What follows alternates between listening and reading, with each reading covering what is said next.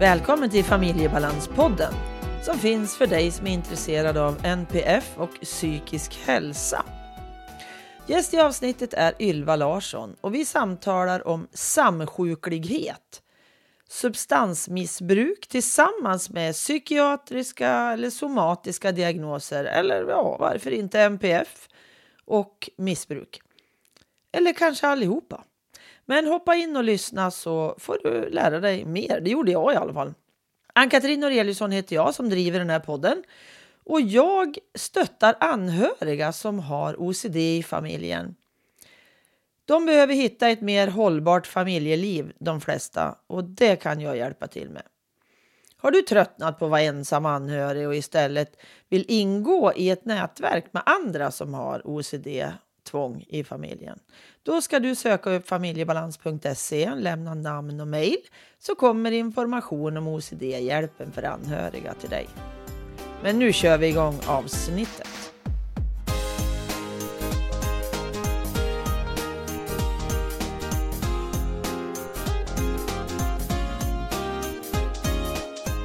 Hej Ylva!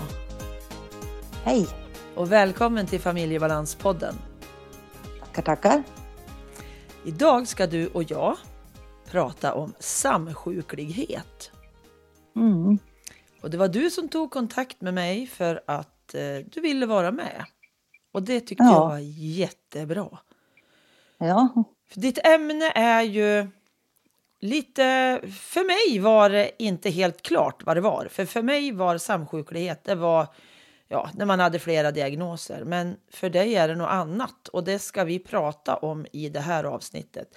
Men innan vi kommer dit så vill jag att du berättar lite om vem du är. ja. Uh, Ylva heter jag då och är 46 år ensamstående små, eh, tonårsmor i Uppsala. Mm. Och jag har lidit av psykisk ohälsa sedan barnsben och eh, gått igenom beroendeträsket, missbruksträsket. Eh, jag är sjukskriven men jag jobbar volontärt och på uppdrag inom psykisk ohälsa, främst samsjuklighet nu. Mm.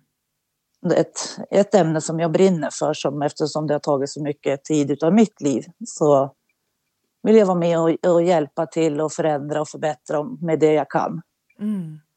Och eh, jag är hobbykonstnär, jag målar och skriver för jämnan eller håller på med mina katter och råttor. Mm.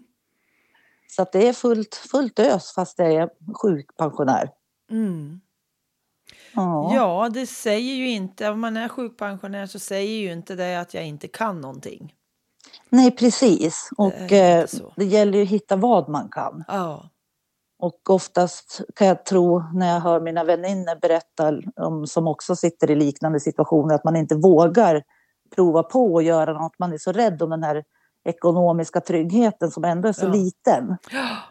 Att man inte vågar för att man inte får. Nej. Men eh, jag vill rekommendera nog att man hittar något litet och att man har ett samtal med Försäkringskassan under hela tiden. Mm. Mm. Och att man faktiskt vågar ut och prova på någonting i det, ja, det man, man kan och det man förmår. Ja. För att det liksom ger mycket till livskvaliteten att ha ett sammanhang och en samhörighet. Otroligt viktigt. Ja, Och så det är att det är väl... många som går miste om det Ja. som ja, Ja. inte vågar. Då. Nej, men exakt. Och, och just det där att ta reda på vad är fakta och vad kan jag göra? Och att inte Ja. vara rädd för att fråga. Det är ju min stående det här. Våga fråga. Jag måste Ja, våga få fråga. Ja. Absolut. I väldigt många sammanhang, även i mycket tyngre sammanhang, ska du också våga fråga. Ja, Hur mår du? Och vara beredd på att sätta sig och lyssna. Ja men precis. Jätteviktigt. Ja, men just det här att, att få ha sitt konstnärliga eh, och sitt ideella arbete är ju jätteviktigt för att känna att jag är behövd på något sätt också. Ja, att man har en plats och att där min kompetens räknas. Jajamän, för jag har, får tydlig känsla som jag också känner att det du pratar om, det känner du på cellnivå. Det har du ända in i din minsta atom. Ja, För du vet exakt vad det handlar om. Och det är så värdefullt att få lyssna till oss, säger jag då. För jag har ju också varit, du är ju aktiv inom järnkoll också va? Ja, järnkollsambassadör. Mm, det var jag också tidigare. Jag har faktiskt skrivit av nu för jag fick så mycket annat i mitt företag. Så att... Ja. Men det bygger ju på ideella krafter. ja, men det gör det. Det är från järnkoll om man säger som jag spunnit vidare på, min, Ja. på mina ja, idéer och vad jag vill Mm. fram med. Ja. Så har jag fått i kontakt med kommun och regionsamarbeten och Ja. så att det har spunnit på vidare där. Men det, det är fortfarande liksom ideell nivå då. Ja. ja. Jo, men alltså vårat civilsamhälle skulle ju inte klara sig om det inte fanns ideella krafter. Nej, Så är det ju. Vi behövs, fast all, alla kan ju inte jobba ideellt. nej. Men vissa kan det och få ett, ett rikt liv av det. Ja, jo. För det Men- känner jag att jag verkligen har fått. Ja, jättebra. jättebra. Men jag Mm. tänker det här samsjuklighet. Kan Ja. du förklara det för mig? Ja, den samsjukligheten jag pratar om då, det är när man har en eller flera diagnoser plus ett beroende, Mm. ett substansberoende. Okej. Då gäller det tabletter, alkohol eller narkotika. Okej. Och sen kan du ha både psykiska och fysiska diagnoser. Det behöver inte bara vara inom psykiatrin. Nej, okej. För väldigt många smärtpatienter till exempel hamnar ju Just det. beroende på grund av sina Mm. smärtreglerande läkemedel. Mm. Ja, men exakt. Det är ju inte alltid att jag själv medicinerar alkohol eller narkotika. Det kan ju vara tabletter också. Du hör ju hur okunnig jag är på det här området. Ja, jo, men jag vart ju beroende redan innan jag var 18 år av, av ångestdämpande Okej. bensodiazepiner. Ja. Ja, det lär ju vara väldigt beroendeframkallande. av det. Ja, det har jag hållit på sedan jag var 17 år till... Ja, det är inte så många år sedan som jag började och fick trappa ner, för då hade jag tre olika preparat. Mm. Så två är helt utsatta och ett har jag jätteliten dos av kvar. Mm. Och då är det 30 år som jag har kämpat med det beroendet. Ja, du förstår. Oj, ja det är, måste ju vara ohyggligt tufft alltså.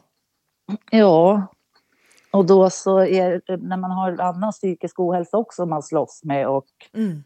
alla vill ju liksom må bra så det är, det är, väl, det, det är väl det man vill, alla vill må bra. Ja, Och när man aldrig kommer dit så då blev det ju den här, jag fick massa ångestdämpande vid behov. Mm. Och mina behov ökade i takt med att eh, toleransen ökade. Mm. Så ökades ju behoven. Så sen var jag ju beroende och missbrukade mina läkemedel. Ja. Och sen räckte ju inte det och då var det ju vidare alkohol, narkotika och sen så var det en ond cirkel av Ja. alltihopa. Du sa att du hade är- haft psykisk ohälsa ända sedan du var barn.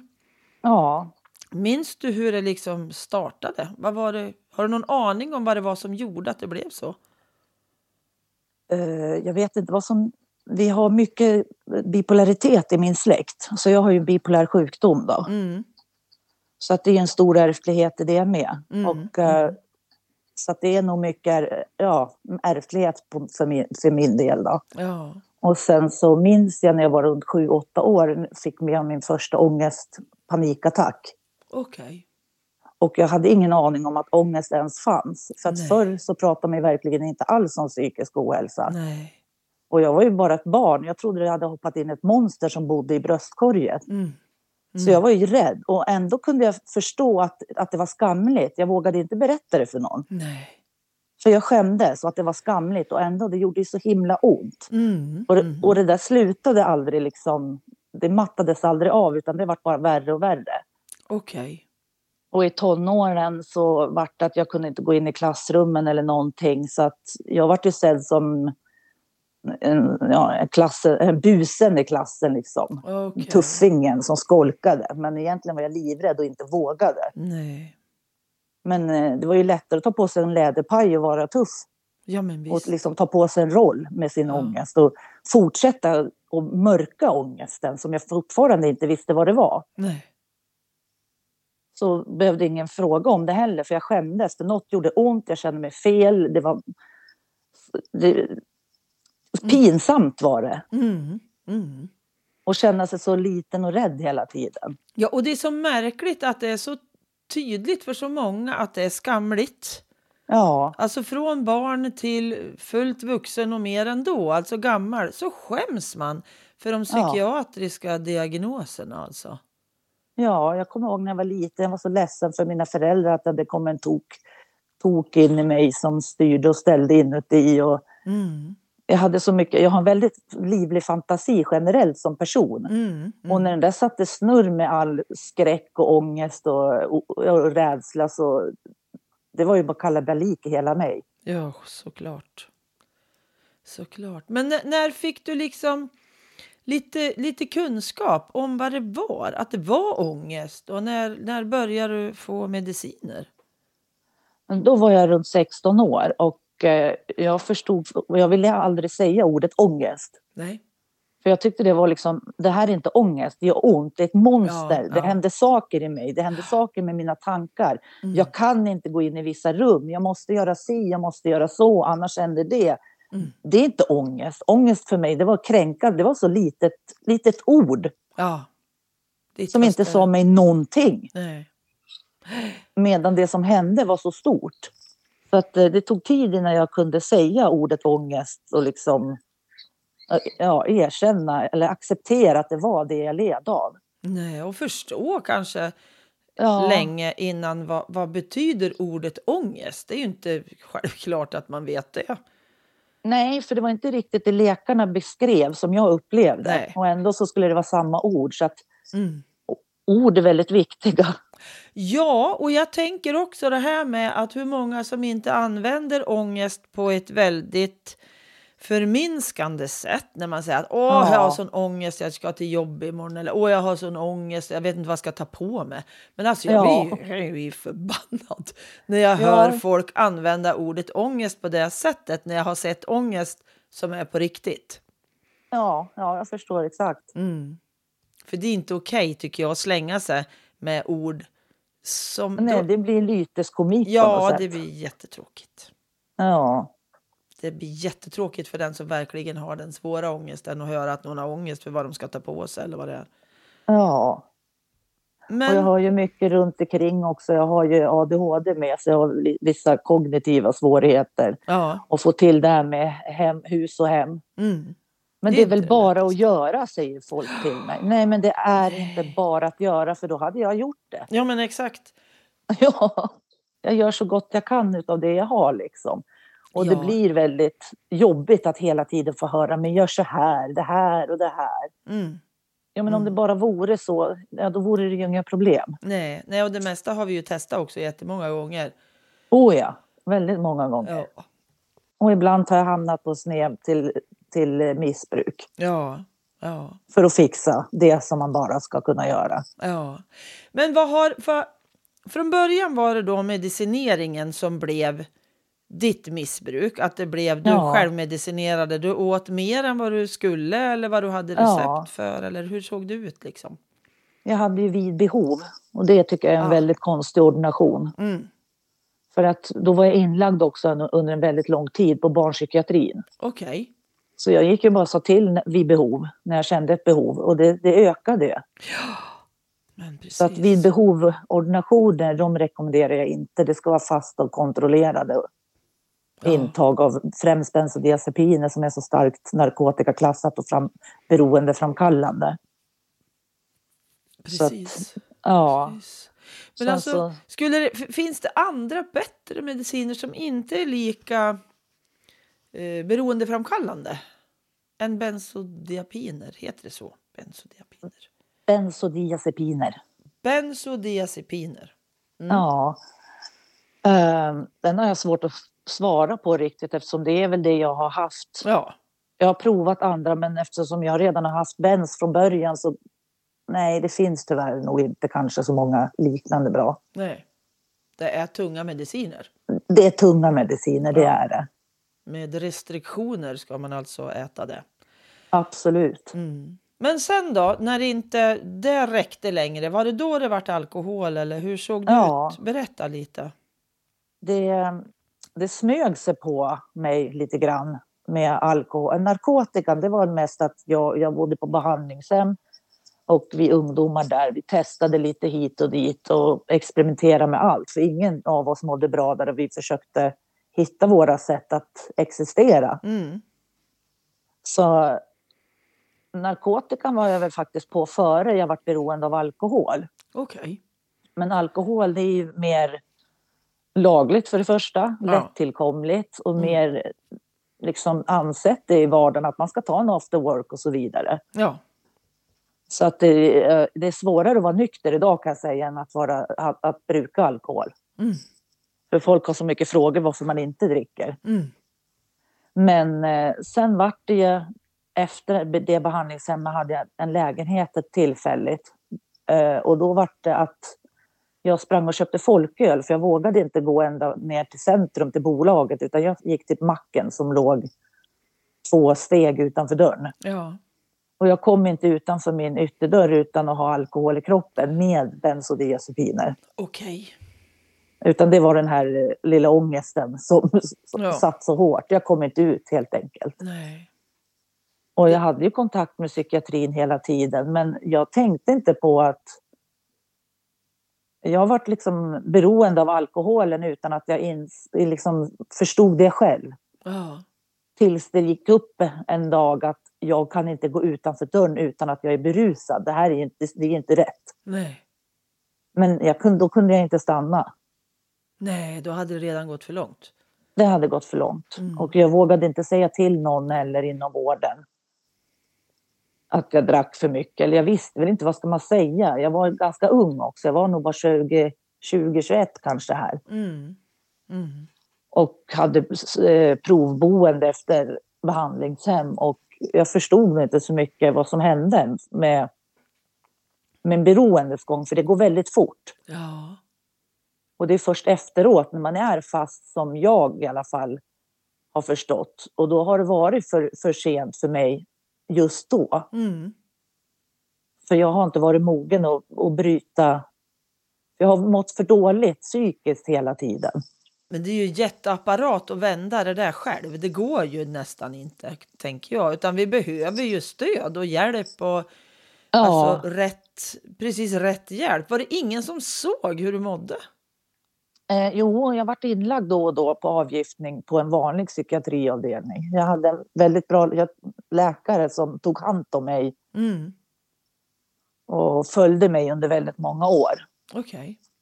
Och när hon såg att det gick utför, då fick jag komma in till avdelningen för vila. Om man säger, liksom, Ja. istället för, ja, för samsjuklighet, då kan man säga. Då hette det dubbeldiagnos. Ja, okej. Och sen så var jag på många behandlingshem i, från och till i tio år Mm. för, för samsjuklighet. Då. Mm.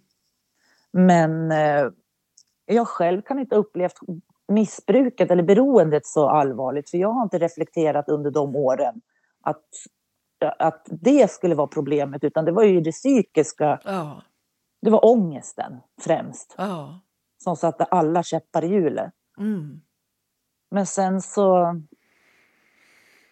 Ja, det var som att vakna till en dag och så gick jag, eller sa jag till min läkare på affektiv att jag tror att jag behöver hjälp med både det här och det här. Både med, med både droger och alkohol. Då. Ja. Och det är inte så länge sedan, jag tror att det är 2014 som Okej. först jag kände att jag var mogen själv att ta tag i saken. Mm.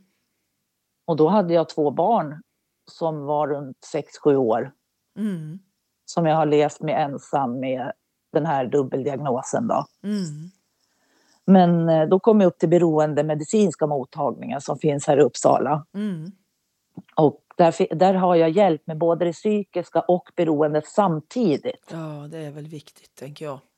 Och det är det absolut ultimata, för ja. det går inte att, att eh, behandla en sak i taget när det kommer till samsjuklighet. Nej. Man får ta det som är viktigast liksom på något vis. Ja, det som är nu. Ja, det som är nu. Och sen så att man håller ihop det hela tiden. Men att Mm. blir ett återfall, då får man stanna upp behandlingen och så får man ta det från återfallet Och, och sen så får man vandra vidare igen. Alltså det är en jättestor apparat, det är det verkligen. Mm.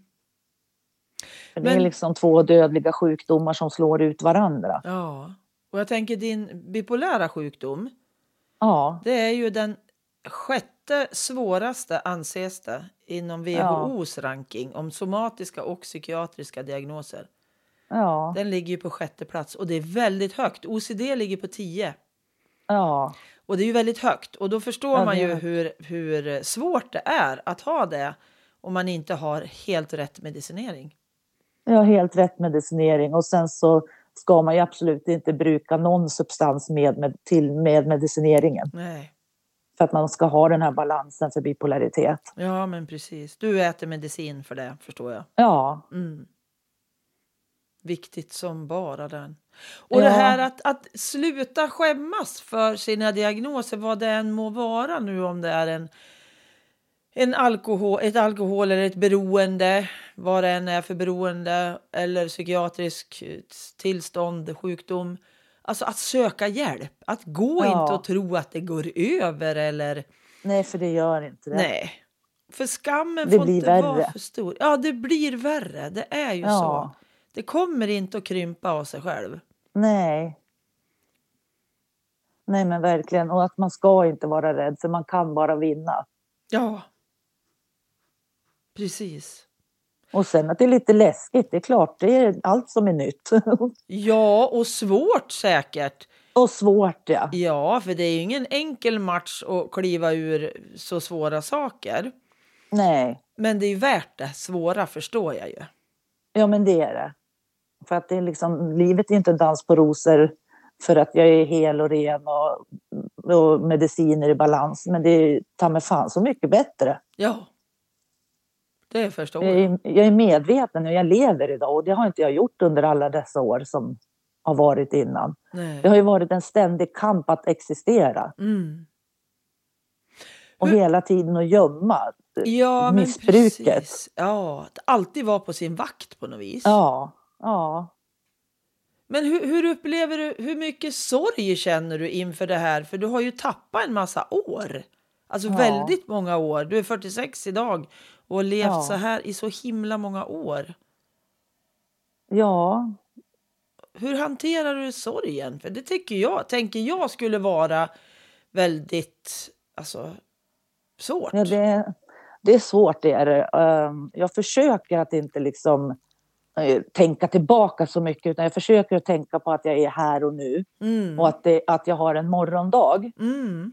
Sen är det ju viktigt såklart det man har med sig i bagaget. Och det mesta är ju sorgligt och det jag tänker mest är ju barnen, alltså det är hemskt vad de har upplevt också. Mm.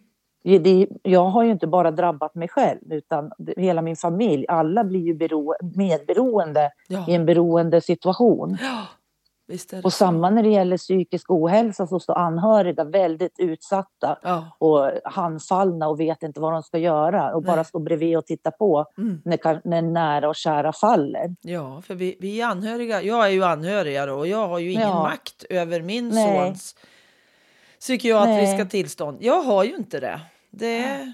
Det ligger inte liksom i mina händer att göra honom frisk. Det finns inte.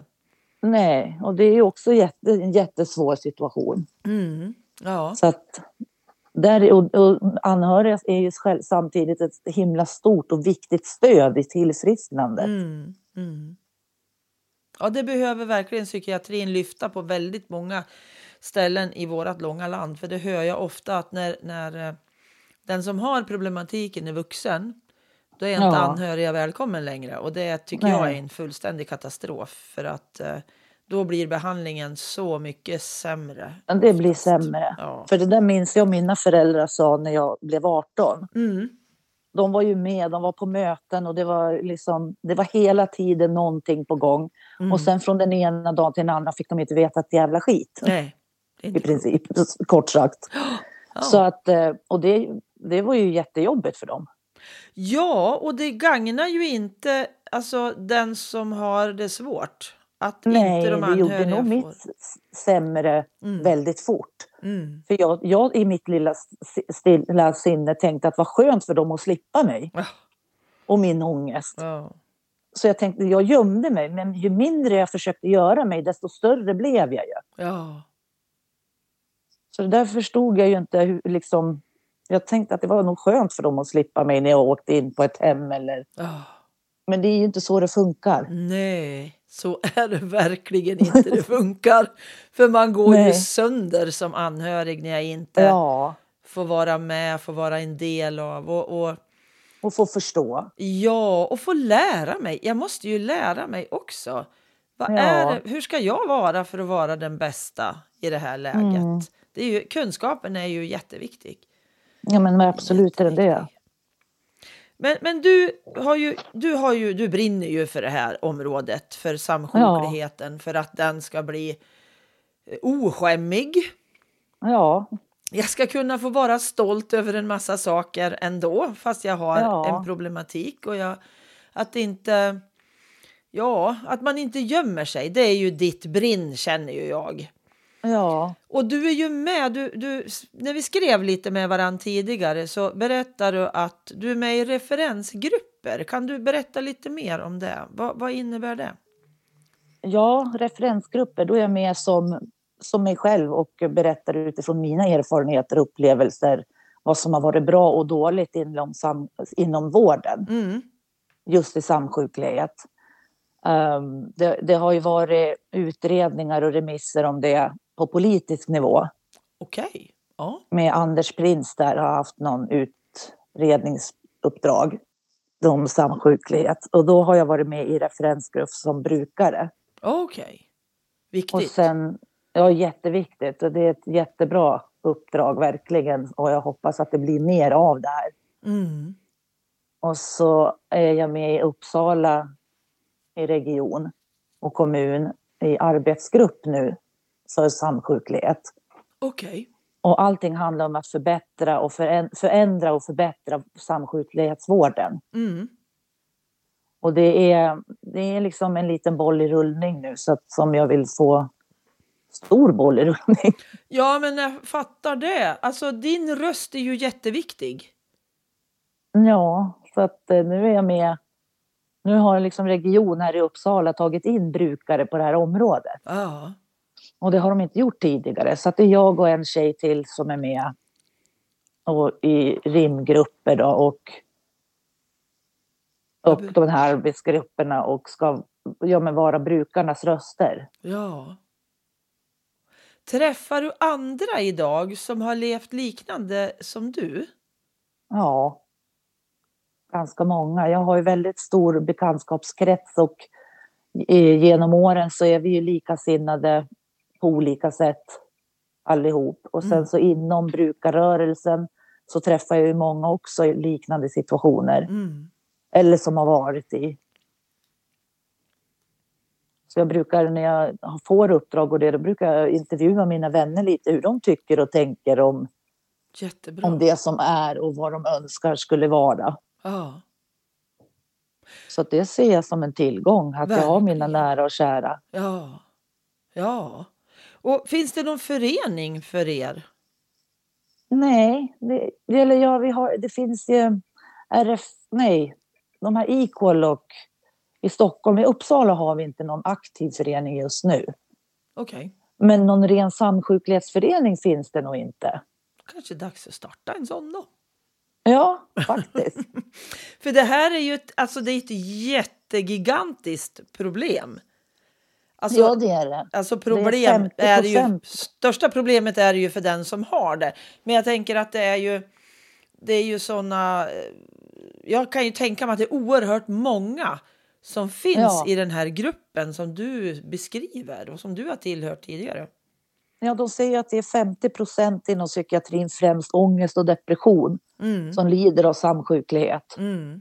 Och då blir jag lite nyfiken på mörkertalet på det, Ja, eller skräckslagen. Visst, visst, visst, visst. visst. Och sen så är det ju väldigt många inom ja, beroendevården som har NPF eller ja, ångest och depression. Mm. Så att eh, vi skulle behövas en förening för bara samsjuklighets... Ja. Det Exakt. skulle det ju verkligen göra. Ja, konstigt att det inte finns redan. Ja, det finns ju miss eller beroende och så vidare, men samsjuklighet är ändå en, en egen grupp på sätt Ja. och vis ändå. Ja. Är det. Men för, för de du företräder, då handlar det alltid om en, ett substansberoende. Det är inte Ja. spel, det är inte sex, det är inte alltså andra saker som man tar till. Det är inte sådana beroenden. Nej, inte, inte i de grupperna som jag Nej. är med i. Nej. Men därför, det, beroende finns i himla stora krets. Det, är ju, det finns ju allt från shopping, mat, sex, Ja. spel till substanser. Ja, det är ju jättebrett. Ja, men det är väl just att ja, missbruk, då kommer man ju till nära stigman igen och skampålen. Mm. Jag tror beroende överhuvudtaget är väldigt skämmigt för att det blir just Ja. det där att men skärp dig. Men du Ja. får väl ta dig i kragen och sluta och dricka eller knarka eller vad du... Ja, det, Uttrycket. är, det finns liksom ingen större insikt i hur, hur liksom Nej, svårt det är. nej, precis. Och att gener spelar stor roll. Det gör det också, Mm. ärftligheten. Absolut, för jag har ju sådana gener. Min pappa var ju då absolutist istället för han hade växt upp med då en pappa som drack för mycket Ja. periodvis. Ja, Och, men jag känner ju jättetydligt att jag får verkligen tänka mig för. Jag kan inte liksom dricka flera dagar i rad eller över en helg och lite sånt där. För då jag Nej. känner direkt att nej, nu är det färdigt igen. Nu får inte jag. Nu måste jag hålla mig liksom på mattan. ja, Och det är ju, jag känner ju det för att jag har ganska många insikter om mig själv och har jobbat mycket med min personliga utveckling och vet att jag har det med mig. ja, men precis. Och det är viktigt att man kommer ihåg det också, som jag Mm. då som har haft det här problemet. Mm. Det, eller haft kan jag inte säga, jag har det problemet. Mm. För att jag kan ju inte börja ta ett glas eller två. Nej, Och jag ska ju absolut inte gå och ta något annat heller. nej, Men att, eh, för det är ju det är som gjort för att misslyckas. ja, Och sen, och sen säga det, men det är väl bara slutare. Nej, det är inte bara. För liksom det är både fysiskt, kemiskt beroende. ja. Ja, har det hamnat där så att jag har ett riktigt beroende, då är det ju, då måste Ja. jag ju sluta. Det förstår jag ju. Ja, Så är det ju. Mm. Det är tuffa bitar och jätteviktigt att prata om.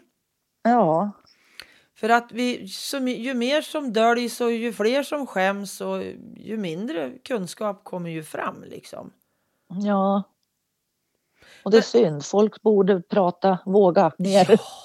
Våga fråga, våga prata. Och just, som vi, just det här med att våga fråga är också det här att om jag ser att någon mår dåligt eller det blir för mycket av någonting, att man faktiskt sätter sig ner och frågar. Kanske inte när det pågår hej vilt någonting, men att Nej, jag men- engagerar mig och vågar ställa ganska tuffa frågor.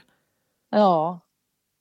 Ja, och det, det tror jag är mycket uppskattat för att höra bara hur det är, eller liksom höra bara det här lilla klyschiga. Ja, det, Är det bra det bara? gör ingen gott, utan få, ta de där lite hårdare frågorna för då, då väcker det motivationen. För det är de man vill få ställda Mm. egentligen. Mm, Och får man dem ställd så ska man nog passa på att svara liksom. ja. För då är det ju någon som är genuint intresserad och vill lyssna. Ja, och, och jag är ju övertygad om att, att vi behöver vara mycket mer öppen med hur vi mår på riktigt. Jag, jag, det som jag sa alldeles nyss, jag hatar ju det här uttrycket, är det bra bara? Ja, Vet jag är ju färdig. Eh, alltså, det är säkert de som lyssnar har kanske sett min blick när de har sagt så till mig. För jag tycker inte om det uttrycket. För jag Nej. tycker inte det, för då vill man inte veta. Nej. Och då är det bättre att man inte frågar. Då kan man säga hej och gå vidare. Det räcker jättebra för mig. Ja, men precis. Så att, Ja, jag minns när jag var i ett, på psykiatriakuten för inte så länge sedan, ett år sedan kanske. Eh, som ligger under all kritik för det finns ingen personal ute i själva väntrummet. Okej. Och där sitter människor med olika sårbarheter. Och då var det en Ja. tjej som, jag såg hur hon höll på att liksom explodera inuti. Ja. Hon led och hon kämpade och jag tänkte, men herregud, hon, hon kommer ju explodera tänkte jag. Ja. Så jag frågade, jag reste mig inte och gick dit utan jag satt från mitt hörn och så frågade är det något jag kan göra för dig? Och då tittade hon bara upp på mig ungefär som, är du tokig? du?" och så sa hon, vill du massera mina axlar? Åh, men ja. Så jag bara, ja, Ja. jag kan, vet inte hur man gör men jag provade. Ja. Och hon slappnade av och så såg jag hur det här inre kaoset, det, började, det la- sig sakta, sakta ner. Ja. Så jag satt och knådade där. Men just frågan, är det något jag kan göra för dig? Mycket Den bra. hade hon nog inte fått ställd någon gång. Nej, nej, jag kan tänka mig det. För de flesta blir ju så där så de vänder sig bort istället. Ja, Och liksom bara, åh, vad jobbigt. ja. Jo, för hon, den tjejen led ordentligt. Ja, det var Jo, modigt det var- att Ja. ställa frågan. Och så modig Det behöver vi vara allihopa. Ja, för att jag tror att människor, vi har både själv, alltså, det är inte för att man ska vinna någonting, det är för att man ska vara medmänsklig, för nästa gång kan Ja. man behöva det själv. Ja, ja, för det är ju inte helt ovanligt att någon vi inte alls trodde hade Drabbas, problematik har det. Nej men precis. För det behöver ju inte synas utanpå. Jag kan ju sköta mig hur bra som helst. Ja, men ja, lida ja. fruktansvärt invändigt. Ja, för vi är så duktiga på att dölja det. Ja, det har vi ju liksom blivit lärd under väldigt många år att vi får inte visa något. Ja, precis. Det är ju generationers generationer tillbaka som har Ja, skapat det här och det är bra om vi vågar lyfta på den här äh, skamfilten ja, genom att prata så som vi gör nu. ja. Har du något mer du skulle vilja tillägga som du tycker att vi pratar för lite om eller som vi helt har glömt? Eller jag helt har glömt att fråga om? Ja. eh, nej, inte vad jag kommer på just nu. Men man får tänka på att det som är mest eller mycket komplext i samsjuklighet när det kommer till substansberoende. Mm. Det är att det finns en olaglig sida, Ja, na- narkotika. Och att gå och söka vård för ett miss- narkotikaberoende. Då går man ju och erkänner sig kriminell eller vad man Alltså det är så, ja. det, det är så svårt att nå den här målgruppen. Mm. Mm. Och det vill jag väl på något sätt, vi kan inte legalisera för att man ska våga söka hjälp. Men att man får vidga lite, eller Ja. man får töja lite på gränserna. När man, om man är i behandling Mm. så är man i behandling tycker jag. Ja. Och där är återfallssymptom. Ja. Och det är viktigt att tänka på det att det är liksom det är inte bara skam, skamligt och skämmigt att, att visa sig så dålig. Nej. Utan det är olagligt också. Jag sätter hela mitt liv på spel Ja. för att få hjälp. För Det är, är ju det man gör. Precis. Man sätter hela sitt liv och tillvaro på spel när man ropar efter hjälp Ja. som eh, eh, substansberoende.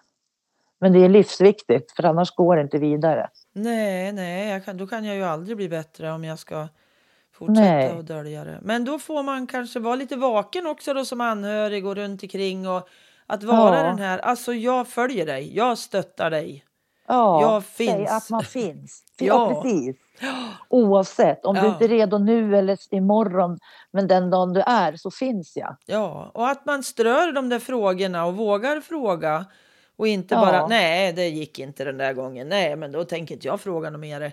Alltså, Och inte bara skälla heller. nej, för det hjälper inte. Inte ett dugg. Nej, det gör det inte. Nej. Nej. Men du är ute och föreläser ibland. Ja, jag föreläser när jag blir till efterfrågad. Mm. Men hur hittar de dig? Eh, ja, det går ju att hitta mig på Hjärnkolls hemsida. Mm. Gör det. Om man vore intresserad av att ta dig som föreläsare Ja. eller ja, prata med dig Ja, och känna kanske någon som är, skulle vilja ta steget att få hjälp. Kanske behöver ja lite, precis. några ord från dig. Ja, Peppen. Precis. så att det, det går att få hjälp. Det gör det. Man måste vara väldigt öppen och mottaglig själv också. Ja, Att våga vara det själv. Ja, Så man kan inte bara gå och tro att man får hjälp bara när man går till eh, doktorn. Utan man måste förklara också vad det är man behöver hjälp med. ja. Och då kanske det är bra att prata med någon, någon man har förtroende för innan så att man har rätt Ja. ut lite sina egna tankar. Det är jättebra att ha någon med sig eller Ja. ha stödpunkter. Och, Exakt. För, för, Ja, för ibland kan det vara helt tomt i huvudet på en när man ska när de frågar ja men vad vill du ha hjälp med? ja säger man inte vet jag. Error i huvudet just ja, då. precis. För att jag, det, jag är så stressad kanske och då är det jättebra att ha någon som kan stötta en och säga men kommer du ihåg det där vi pratade om? Ja, Lite det är så. toppen. Mm, precis. Jag säger tack så jättemycket Ylva för att du tog kontakt och ville vara med. För det här var ett jättespännande, intressant och verkligen ögonöppnare för mig. För jag visste jättelite. Ja, tack. Då säger vi hej! Det gör vi. Hej då! Hej, hej. Tack för att du lyssnat. Tack till Pelle Zetterberg för musiken, till Pernilla Wahlman som fotat, till Marcus som fixade poddloggan och naturligtvis till Anders för att du redigerar mitt prat. Hoppas vi hörs igen. Hej då!